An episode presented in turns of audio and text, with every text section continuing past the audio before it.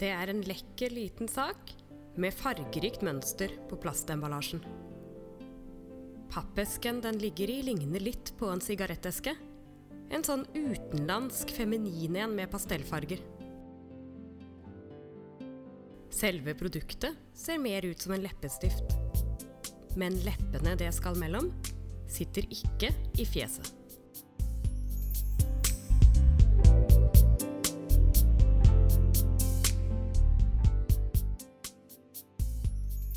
Plasten, trekk ut tråden, spre kjønnsleppene og press den inn i kanalen. Her, i vagina, sitter den. En liten vattnisse. Og farger lua si rød i en blanding av blod, slim, vev og vaginalsekret.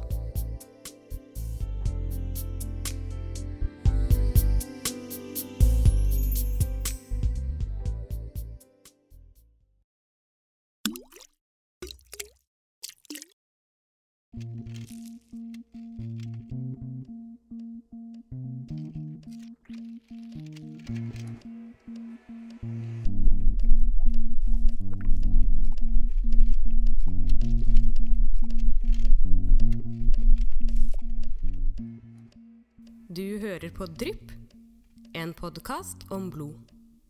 Jeg heter Ingebjørg Berg Holm, og i denne episoden snakker jeg om mensen.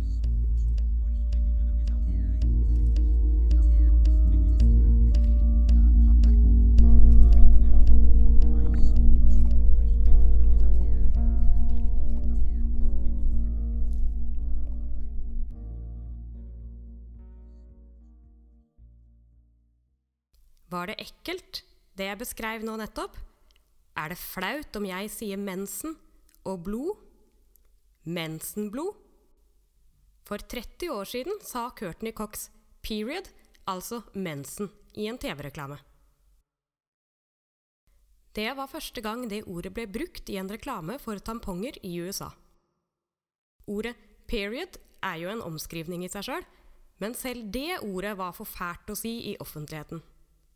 Så i reklamene var mensenblodet byttet ut med klarblå væske. Bind og tamponger het hygieneprodukter, og ordet mensen ble ikke nevnt. I Norge, i 2016, er vi ikke så pinglete. I fjor fikk vi period couture, fritt oversatt til mensenmote. Tamponger kledd i limited edition-emballasje med mønster designet av en visstnok kjent motedesigner. Med slagord som 'In vogue med mensen' produktplasserte Libress tampongene som et fashion-tilbehør i rosabloggeres lekre bilder. Tamponger på baderomshylla, i designerveskene og vist fram av bloggere iført dagens outfit. Hashtag 'mensen by me'. Jeg holdt på å le meg i hjel. Trenger vi designervarianter av alt? Også av det som skal opp i glufsa og suge blod? Tror de virkelig at vi er så dumme at vi kjøper tamponger bare fordi de har en pen boks? Eller mensen i luksusinnpakning, som Libress selv kaller det. Men så fikk det meg til å tenke Er ikke dette egentlig et feministisk framskritt? Ikke at alt kvinnelig må ha blomstertrekk, men det at man kan si mensen høyt uten å skamme seg? Vise fram tampongen i veska uten å miste kred?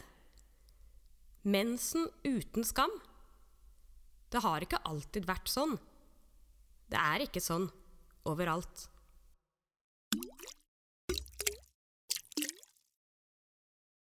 Alle friske, fruktbare, ikke-gravide kvinner har mensen noenlunde regelmessig.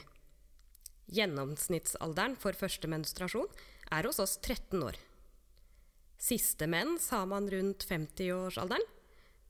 I omtrent 35 år har man mensen jevnlig, sånn rundt 400 ganger totalt. Mensen er en universell, fysisk erfaring for kvinner, og vi finner tradisjoner og ritualer knytta til mensen overalt i verden, og mange av disse ritualene har samme hovedtrekk. Den første mensen er kjempeviktig, ikke bare for jenta selv, men ofte for hele familien og hele nærsamfunnet. Det handler om overgangen fra barn til voksen, og dermed til seksuelt vesen. Eller seksualobjekt.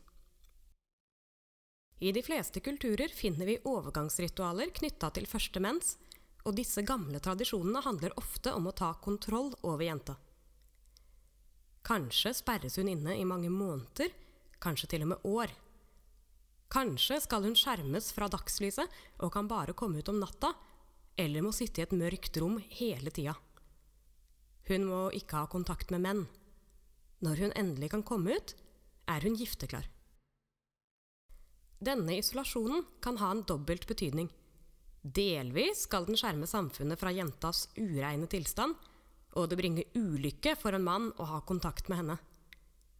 Men det kan også være for å skjerme jenta fra mennene.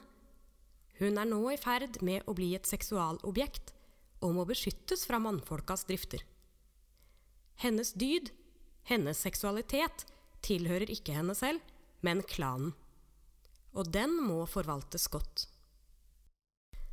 Kanskje er det rester av slike patriarkalske skikker som vi ser i en del germanske og nordiske eventyr. Rapunsel i tårnet og jomfruen på Glassberget, hvorfor sitter hun egentlig der, helt isolert? Hun slipper jo ikke fri før en mann henter henne, og hun gifter seg med ham. Voksne kvinners menstruasjon har også betydning for omgivelsene. Jødedommen, islam og kristendommen har nokså like påbud og forbud i sine skrifter. En kvinne er uren når hun har mensen. Man må ikke ha sex med henne, og hun kan ikke utføre religiøse handlinger. Hennes urenhet kan smitte både det hun sitter på, og dem som berører henne. Slik står det i tredje Mosebok.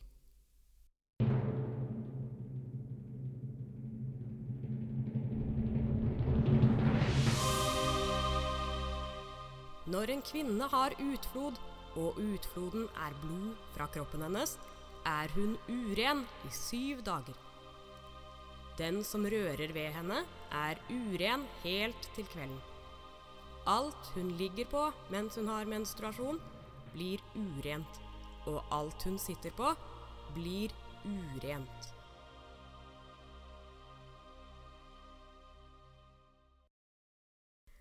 Og så fortsetter det med instruksjoner for hvordan man må vaske seg selv og tepper og klær for å bli rein igjen, om man har tatt på ei dame med mensen eller noe hun har tatt på. Hele konseptet minner om jentelus. Mensenlus, på en måte. Men det må nevnes at det ikke bare er mensen som medfører forbud og påbud. Mannfolk slipper heller ikke unna i disse skriftene. De semittiske religionene regner også sæd som urent på samme måte som mens. Mosebøkene nevner i tillegg mannlig utflod som urent.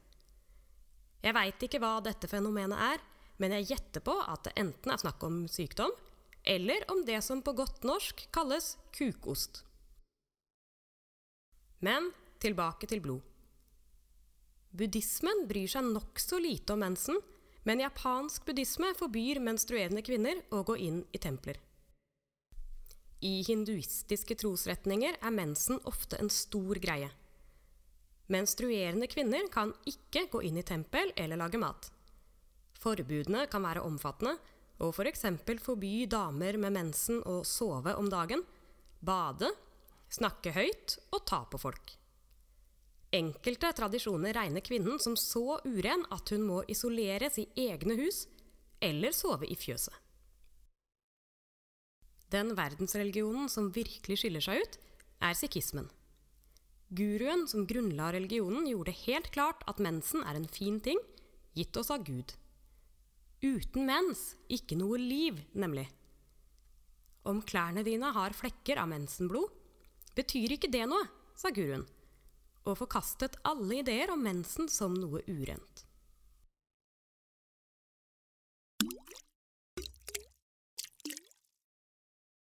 Plinius den eldre var en romersk forfatter som levde omtrent på Jesu tid. I sitt naturhistoriske verk ramser han opp en rekke kjipe virkninger av kontakt med mensblod.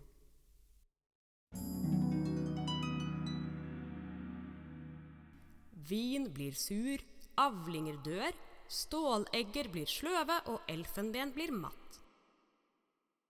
Bikuber dør, bronse og jern ruster med det samme, grusom lukt fyller lufta.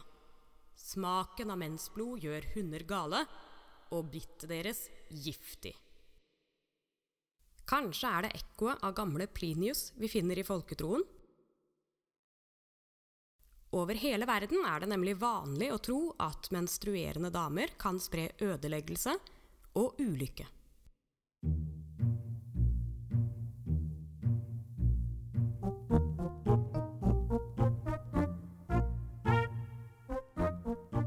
Det er vanlig å tro at ei dame med mensen ikke skal håndtere melk eller melkeprodukter.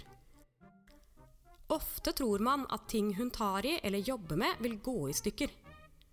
Detaljene varierer fra land til land. Noen steder i USA sies det at om hun plukker blomster, så vil de visne. I Frankrike må hun ikke kna brøddeig, for da vil den ikke heve. Hvis hun er i nærheten av noen som lager majones, så vil den ikke tykne. Hennes nærvær kan også ødelegge alt fra parfyme til vinproduksjon. Og om hun spiller på et strengeinstrument, så vil strengene ryke.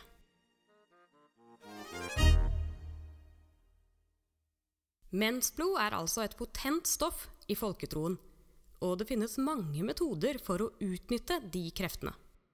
Plinius den eldre, han som mente at mensblod kunne ødelegge omtrent alt som er godt i verden, forklarte videre at denne fæle væsken kunne brukes til noe nyttig i jordbruket. Ei naken dame som har mensen, kan skremme bort haglestormer, virvelvinder og lyn. Og hvis hun går rundt i åkeren, vil larver, insekter og biller falle av stråene. De hinduistiske Vaishnava-munkene mener at alle kroppsvæsker er hellige og helsebringende. Svette, tårer, urin og menstruasjonsvæske. De blander gjerne mensblod med kokosaft og melk og drikker det. Over hele verden er det utbredt å bruke blod i magi.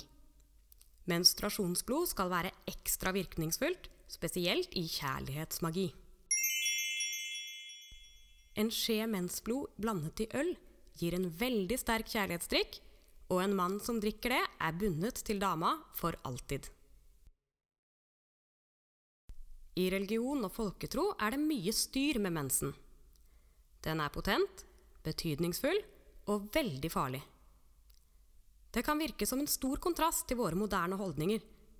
Den vitenskapsbaserte tilnærmingen fra vår tid byr på sanitetsspinn, artige kodeord som 'tante rød' og nøkterne livmorsplansjer i seksualundervisninga. Men vitenskap er ikke fri for myter, og den er ikke mer moderne enn sin samtid. Og vår kultur har også sine tabuer. Vi går tilbake til eldgamle dager, altså antikken. Da mente man at det egentlig bare fantes ett kjønn. Kvinnen var nemlig bare en litt dårlig versjon av mannen. Legene trodde at kroppen hadde fire kroppsvæsker, og balansen mellom disse var viktig for helsa. Ble det for mye blod i kroppen, kunne kroppen kvitte seg med det. Neseblod, hemoroider og mensen var da egentlig samme sak.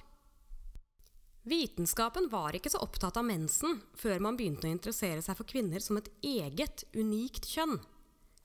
Fra midten av 1800-tallet ble medisinerne voldsomt opptatt av mensen. Man så på kvinner som syke, svake, følelsesdrevne og underkastet sin natur. Og de mannlige legene konstruerte en forståelse av menstruasjonen som kunne forsvare og forklare dette kvinnesynet. Den besto bl.a. av et idealbilde av den normale menstruasjon som ingen kunne leve opp til. Mensen skulle være presis på timen og helt smertefri. Var den ikke det, var den sykelig. Etter den definisjonen på frisk menstruasjon er alle kvinner syke minst en uke hver måned. Ikke akkurat den ideelle arbeidstaker. Best å holde henne hjemme. I tillegg mente man at den månedlige blødningen var så krevende at den gikk utover kvinnens mentale kapasitet. Og omvendt. Om en kvinne utviklet intelligensen, ville det kunne gå utover hennes kvinnelighet. Den amerikanske professoren Edvard Clark skrev en hel bok om dette, 'Kjønn i utdannelsen', som kom ut i 1873. Ironisk nok med undertittelen 'En reell mulighet for jenter'. Bokas grunntanke bygger på en idé om at kroppen har begrensede ressurser, og at energien, eller livskraften, ikke må sløses bort. Den ideen var utbredt, f.eks. som grunnlag for henda over dyna-advarslene. Gutter måtte ikke masturbere, da sløste de bort vitalitet på unyttig sædproduksjon. Men det var jo verre for jentene. De kunne ikke velge å være økonomiske med sine kroppslige utsondringer. Clarks holdning var enkel. Kvinnekroppen har bare nok blod til hjerne eller livmor. Brukte man mye blod på å anstrenge hjernen, ville livmora lide. At kvinner i USA fikk tilgang til utdannelse, mente Clark at ville ødelegge nasjonen og den hvite rase. Alle gode avlskvinner ville ende opp som ufruktbare, anemiske og syke. Clark levde på slutten av 1800-tallet, en tid hvor den gryende kvinnebevegelsen fikk mye oppmerksomhet. Clarks bok ble ekstremt populær blant konservative leger og motstandere av kvinnesaken. En av Clarks etterfølgere, dr. Austin, utbroderte farene i sin bok 'Trusselen mot amerikanske kvinner'.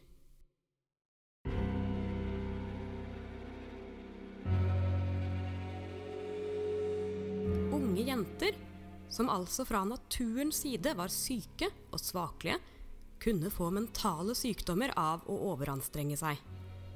Om man ikke passet på under mensen, kunne man utvikle erotomania. Dette ble beskrevet som en pervers tilstand hos unge piker, hvor de viste interesse for sex og til og med kunne flørte og snakke stygt til sine foreldre.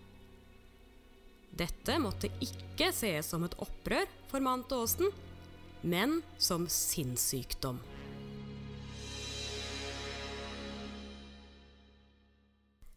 Også i Norge var sånne tanker utbredt.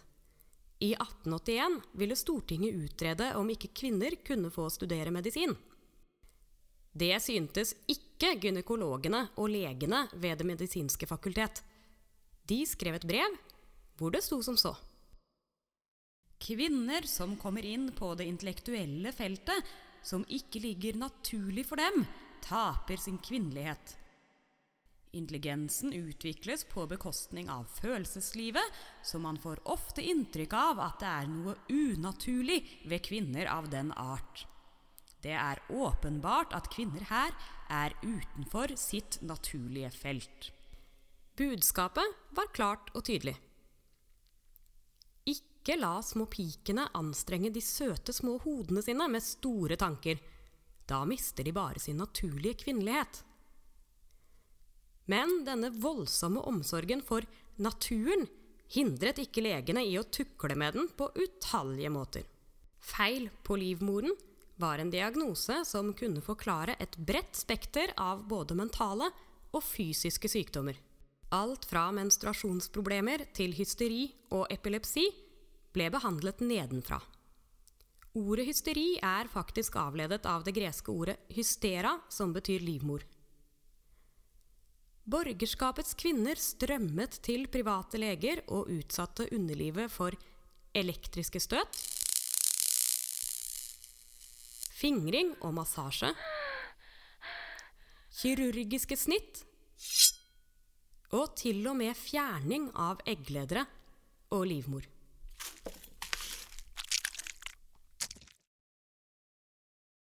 Nå må vi ikke tro at borgerskapet representerte hele folket på 1800-tallet. Pene fruer brukte tøybind og gummiforklær under kjolen for å skjule mensen, og de trakk seg tilbake fra livet både før, under og etter mensen. Men kvinner flest kunne ikke det. De lot blodet flyte fritt og måtte arbeide som vanlig. En blodflekk på stakken skapte ikke oppstyr. Det var bare livets gang.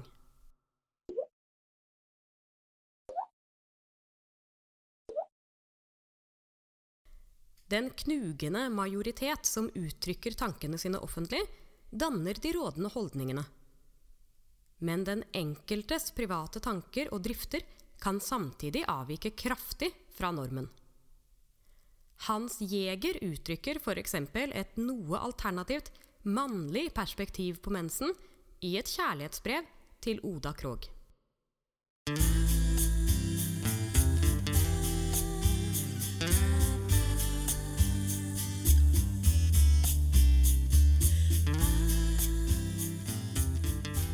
Jeg blir ikke mett av dem. Jeg ligger jo der og sukker og sukker etter hva som helst av dem. Etter å slikke deres svette, etter å suge det blodet som renner fra dem hver måned. Jeg vil suge det inn i meg alt sammen, så ikke en dråpe går tapt. Hans Jegers interesse for mensen var høyst privat. Men han er ikke den eneste kunstneren som har interessert seg for temaet. Feministene på 70-tallet så med nye øyne på alle kvinnelige erfaringer.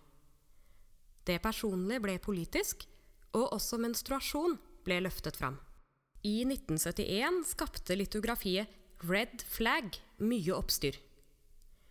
Motivet er et tett utsnitt av en kvinnes underliv. Selve fitta ligger i mørket, og kroppen er i svart-hvitt. En hånd drar i en snor, og mellom lårene lyser det rødt i en blodig tampong på vei ut. Kunstneren Judy Chicago ville vise kvinnelige erfaringer i kunsten for å gi dem ny verdi. Hun ville motarbeide det hun kalte for menstruasjonsfornektelsen i samfunnet. Da bildet ble stilt ut, var det flere i publikum som trodde at tampongen var en blodig penis. For Chicago var den misforståelsen typisk, og illustrerte hva det gjør med oss når kvinnelige erfaringer mangler i offentligheten. For å sette Chicagos kunstverk i kontekst, så kan jeg fortelle en liten historie om hennes samtid. Så seint som i 1970 uttalte legen og forfatteren Edgar Bergman at man ikke kunne ha en kvinnelig president. Hennes rasende hormonelle ubalanse kunne være kjempefarlig under nasjonale kriser. Det er en vanlig beskyldning også nå. Kvinner anklages for å være irrasjonelle, rasende hurper når de har mensen eller PMS. Noen syns at det funker som et universalargument hvis man møter damer som man synes er vriene eller sure. Det tenkte nok i hvert fall Donald Trump da han nylig følte seg urettferdig behandla i en debatt. Han syntes at det var kjipt av den kvinnelige programlederen å konfrontere ham med et par ting han hadde kalt kvinner før f.eks. feite griser og avskyelige dyr. Etter debatten insinuerte Trump at programlederen hadde hatt mensen. Du kunne se at det kom blod ut av øynene hennes. Det kom blod ut av hennes 'wherever', sa Trump. Etter oppstyret som fulgte, unnskyldte han seg med at han egentlig snakka om neseblod. En av dem som ikke lot seg overbevise av det, var kunstneren Sara Levi. Hennes svar var et portrett av Trump, malt med tampong, og hennes eget mensblod. Flere kunstnere har latt seg inspirere av mensen og brukt mensblod i kunsten sin. Jeg skal komme tilbake til det i en seinere episode.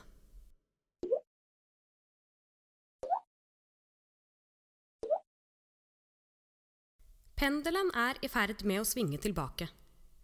Mange er lei av å hviske om tante Rød. Feminister og aktivister er lei av å skamme seg, og velger i stedet å snakke høyt og offentlig. Svenskene har i de siste åra snakka ganske mye om mensen. Menspraten fikk et oppsving da tegneserieskaperen Liv Strømquist brukte en time på radio til å snakke om mens i programmet Sommar i P1. Etter det har diskusjonen gått i media, og det ble til og med dannet en egen organisasjon kalt Mensen. Ifølge seg selv består den av en gruppe mensaktivister og menstruelle akademikere. Og den kjemper for å få mensen ut av trusene og inn i offentligheten. Også i Norge prater vi mer om mensen enn før. Forfatter Gunhild Øyhaug lar sin romanfigur Undis Brekke lide av ekstrem PMS. Øyehaug selv snakket masse om mensen i Sommer i P2. Newton-programlederen Line Jansrud illustrerer mensen på TV med rødt blod rennende nedover et kvinnebein. Og den svenske mensbølgen har gitt utslag i en del artikler også hos oss. Også vi norske feminister er opptatt av vårt eget underliv. Ute i verden har mensaktivisme fått et oppsving. Kunstneren Rupi Kaur la forleden ut et bilde på Instagram. Selvportrettet viste henne bakfra, fullt påkledt og med en tydelig rød mensflekk mellom beina. Instagram fjerna bildet, men etter en klagestorm angret de seg. Da trommeslager og økonom Kiran Gandhi løp sitt første maraton, fikk hun mensen rett før løpet. Hun bestemte seg for å bruke anledningen til en mensenaksjon. Hun brukte verken bind eller tamponger, men lot blodet renne fritt under løpet. Den røde flekken på løpetightsen var synlig for alle. Gandhi brukte flekken til å sette fokus på situasjonen for menstruerende kvinner verden over. Mange kulturer har fortsatt kjipe skikker knytta til mens, og fattige kvinner har ofte ikke tilgang på mensbeskyttelse. Aktivistene og produsentene nærmer seg hverandre. Libress sine kampanjer ropte at mensen er fint, tamponger er kult og bør pyntes og vises fram. Sist jul publiserte de en juledekorasjon som du kan fargelegge selv. Ornamentet er forma som ei fitte. Men tampongen har fått konkurranse av menskoppen. Menskopp er et beger som du setter i vagina, og tømmer og skyller med jevne mellomrom. Gjenbruken er miljøvennlig. Men noen tilhengere mener også at det å se og håndtere din egen mens setter deg i nærmere kontakt med din egen kvinnelighet.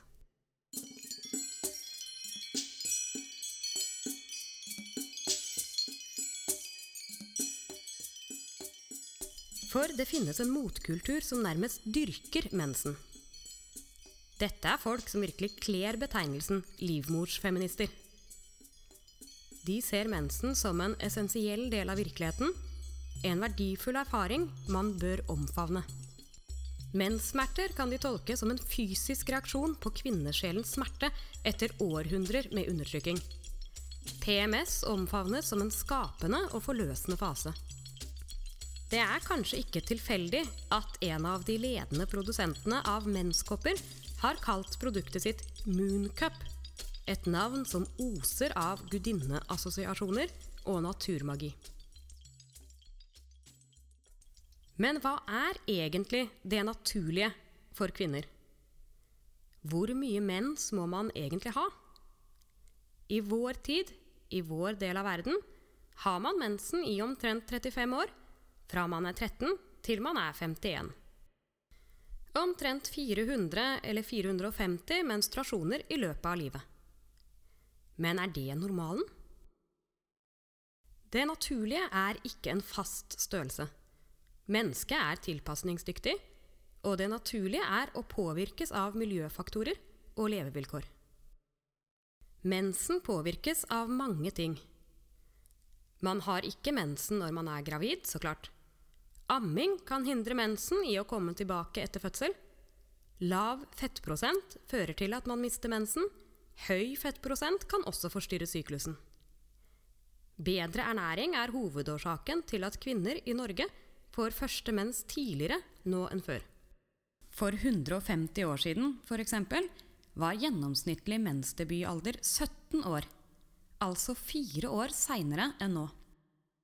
Det betyr omtrent 50 færre menser for formødrene våre. Vi kan ikke vite noe sikkert om mensen for mange hundre år siden eller tidligere. Men vi kan regne med faktorer som dårligere ernæring, flere barnefødsler og lengre ammeperioder. Da kan det ha vært normalt og naturlig med langt færre menssykluser enn i dag. Kanskje var mensen en sjelden hendelse?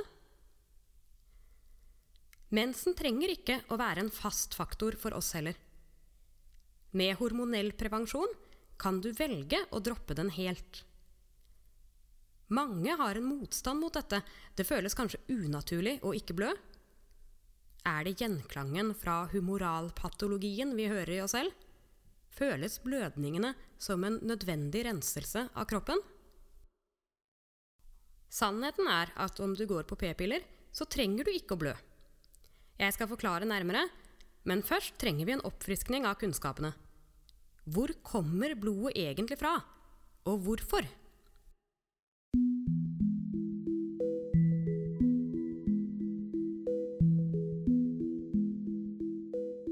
Det er eggløsningen som gjør at du får vanlig mensen. Egglederne sender fram et egg.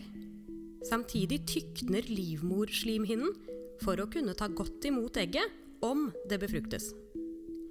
Hvis egget ikke møter en sædcelle, så kvitter kroppen seg med det. Da trengs ikke de ekstra greiene på livmorslimhinna heller, så slimet og vevet fra slimhinnen støtes også ut. Da blør det fra sårflaten på slimhinna. Mensen er en blanding av dette blodet, slimet og vevet. Det finnes flere typer p-piller som funker på forskjellige måter. Kort fortalt inneholder de hormoner som lurer kroppen din til å tro at du er gravid. Da får ikke lenger eggstokkene beskjed om å slippe fram egg. I tillegg blir slimet i livmorshalsen tjukt og seigt så det blir vanskeligere for sædcellene å komme seg fram. Og livmorslimhinna blir tynnere og tørrere, så at egg ikke ville klare å feste seg der uansett. Og da er det ingenting å blø ut, altså.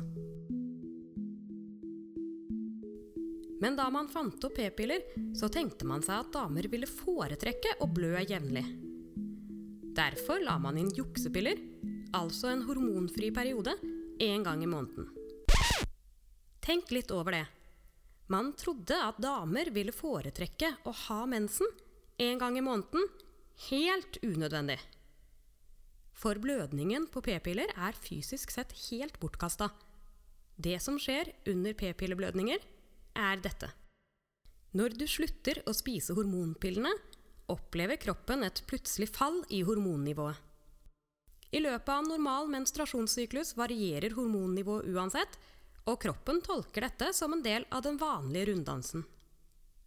Livmora di oppfører seg som om den er på slutten av menssyklusen og skal støte ut slimet og vevet som har bygd seg opp der.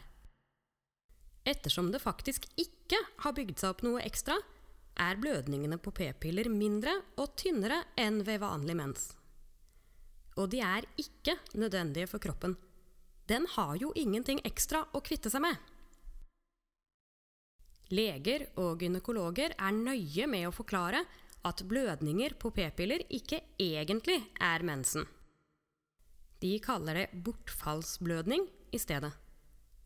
Det har jo ikke skjedd noen eggløsning eller fortykning av slimhinnen, og derfor er blødningen medisinsk sett ikke en menstruasjonsblødning.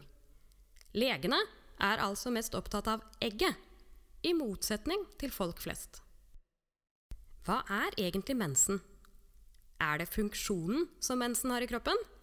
Eller er det mensvæsken i seg selv?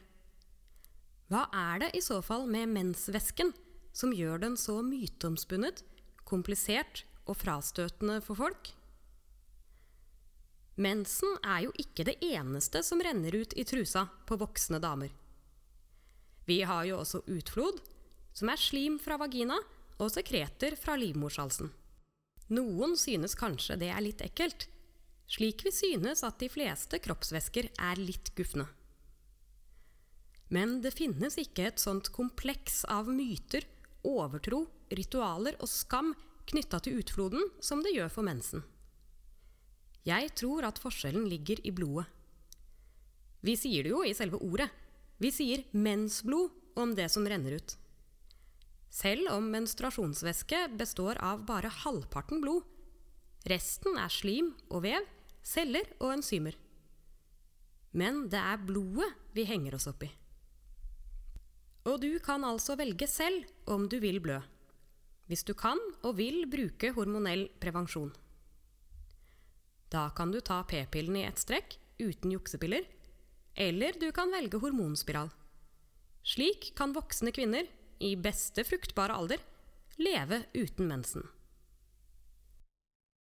Men er ikke det veldig unaturlig? Tjo.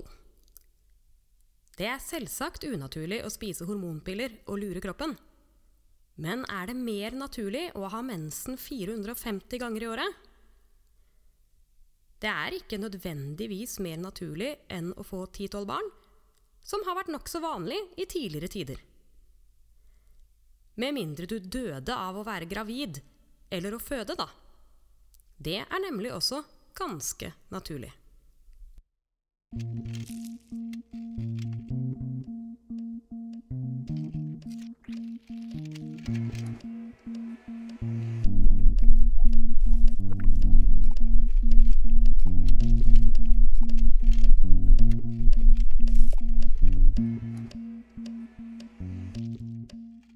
Til syvende og sist er mensen en personlig ting. Hvor ofte og hvor mye du blør, er avhengig av din genetikk, ditt liv og dine valg. Hva du velger å gjøre med blodet hvis du blør, er også ditt valg. I hvert fall for oss privilegerte, vestlige damer. Mange steder i verden er mensen fortsatt et stort problem for jenter og kvinner. Enkelte kulturer har fortsatt levende tabuforestillinger som gjør at kvinner utestenges og isoleres når de har mensen. Og manglende tilgang på mensbeskyttelse og vaskemuligheter gjør at mange holder seg hjemme fra jobb og skole uansett. Eller bruker uhygieniske filler, noe som kan føre til farlige infeksjoner. Så neste gang du skifter tampongen eller bindet, eller tømmer og skyller menskoppen, eller du gleder deg over ikke å ha mensen fordi du bruker hormoner eller er født med mannlige kjønnsorganer. Da kan du jo sende en tanke til dem som fortsatt sliter seriøst med mensen. Eller enda bedre send penger. Gi en donasjon til Redd Barna, Plan, Unicef eller noen av de andre organisasjonene som arbeider med å gjøre mensen lettere å takle verden over. God mens!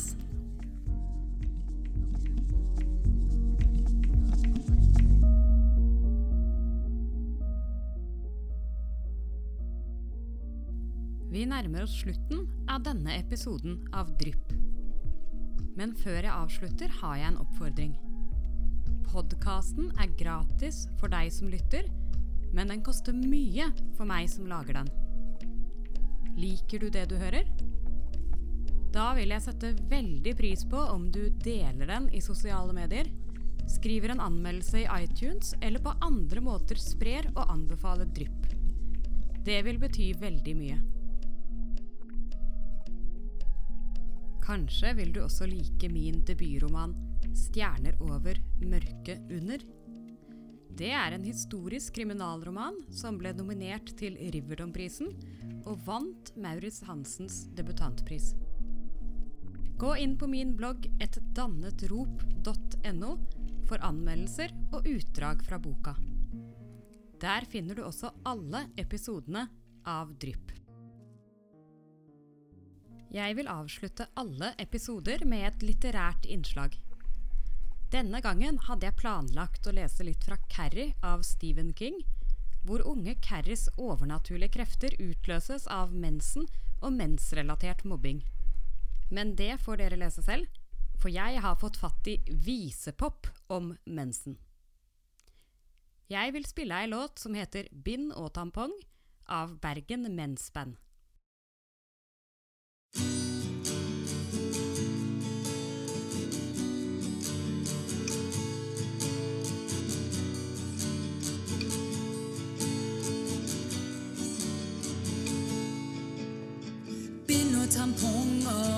Tamponger av kvinner når vi har menstruasjon. Absorpsjonsevnen varierer avhengig av tjukkelsen og velges ut fra hver situasjon. Hvor ofte du skal bytte tampongen eller bindet, avhenger av hvor mye du skal blø. Men vi anbefaler at du trekker i tråden og bytter før buksen blir rød. Det finnes mange ulike produkter i butikken, og er du i tvil, så spør. Hva skal jeg kjøpe med pengene mine når tissen bare blør og blør?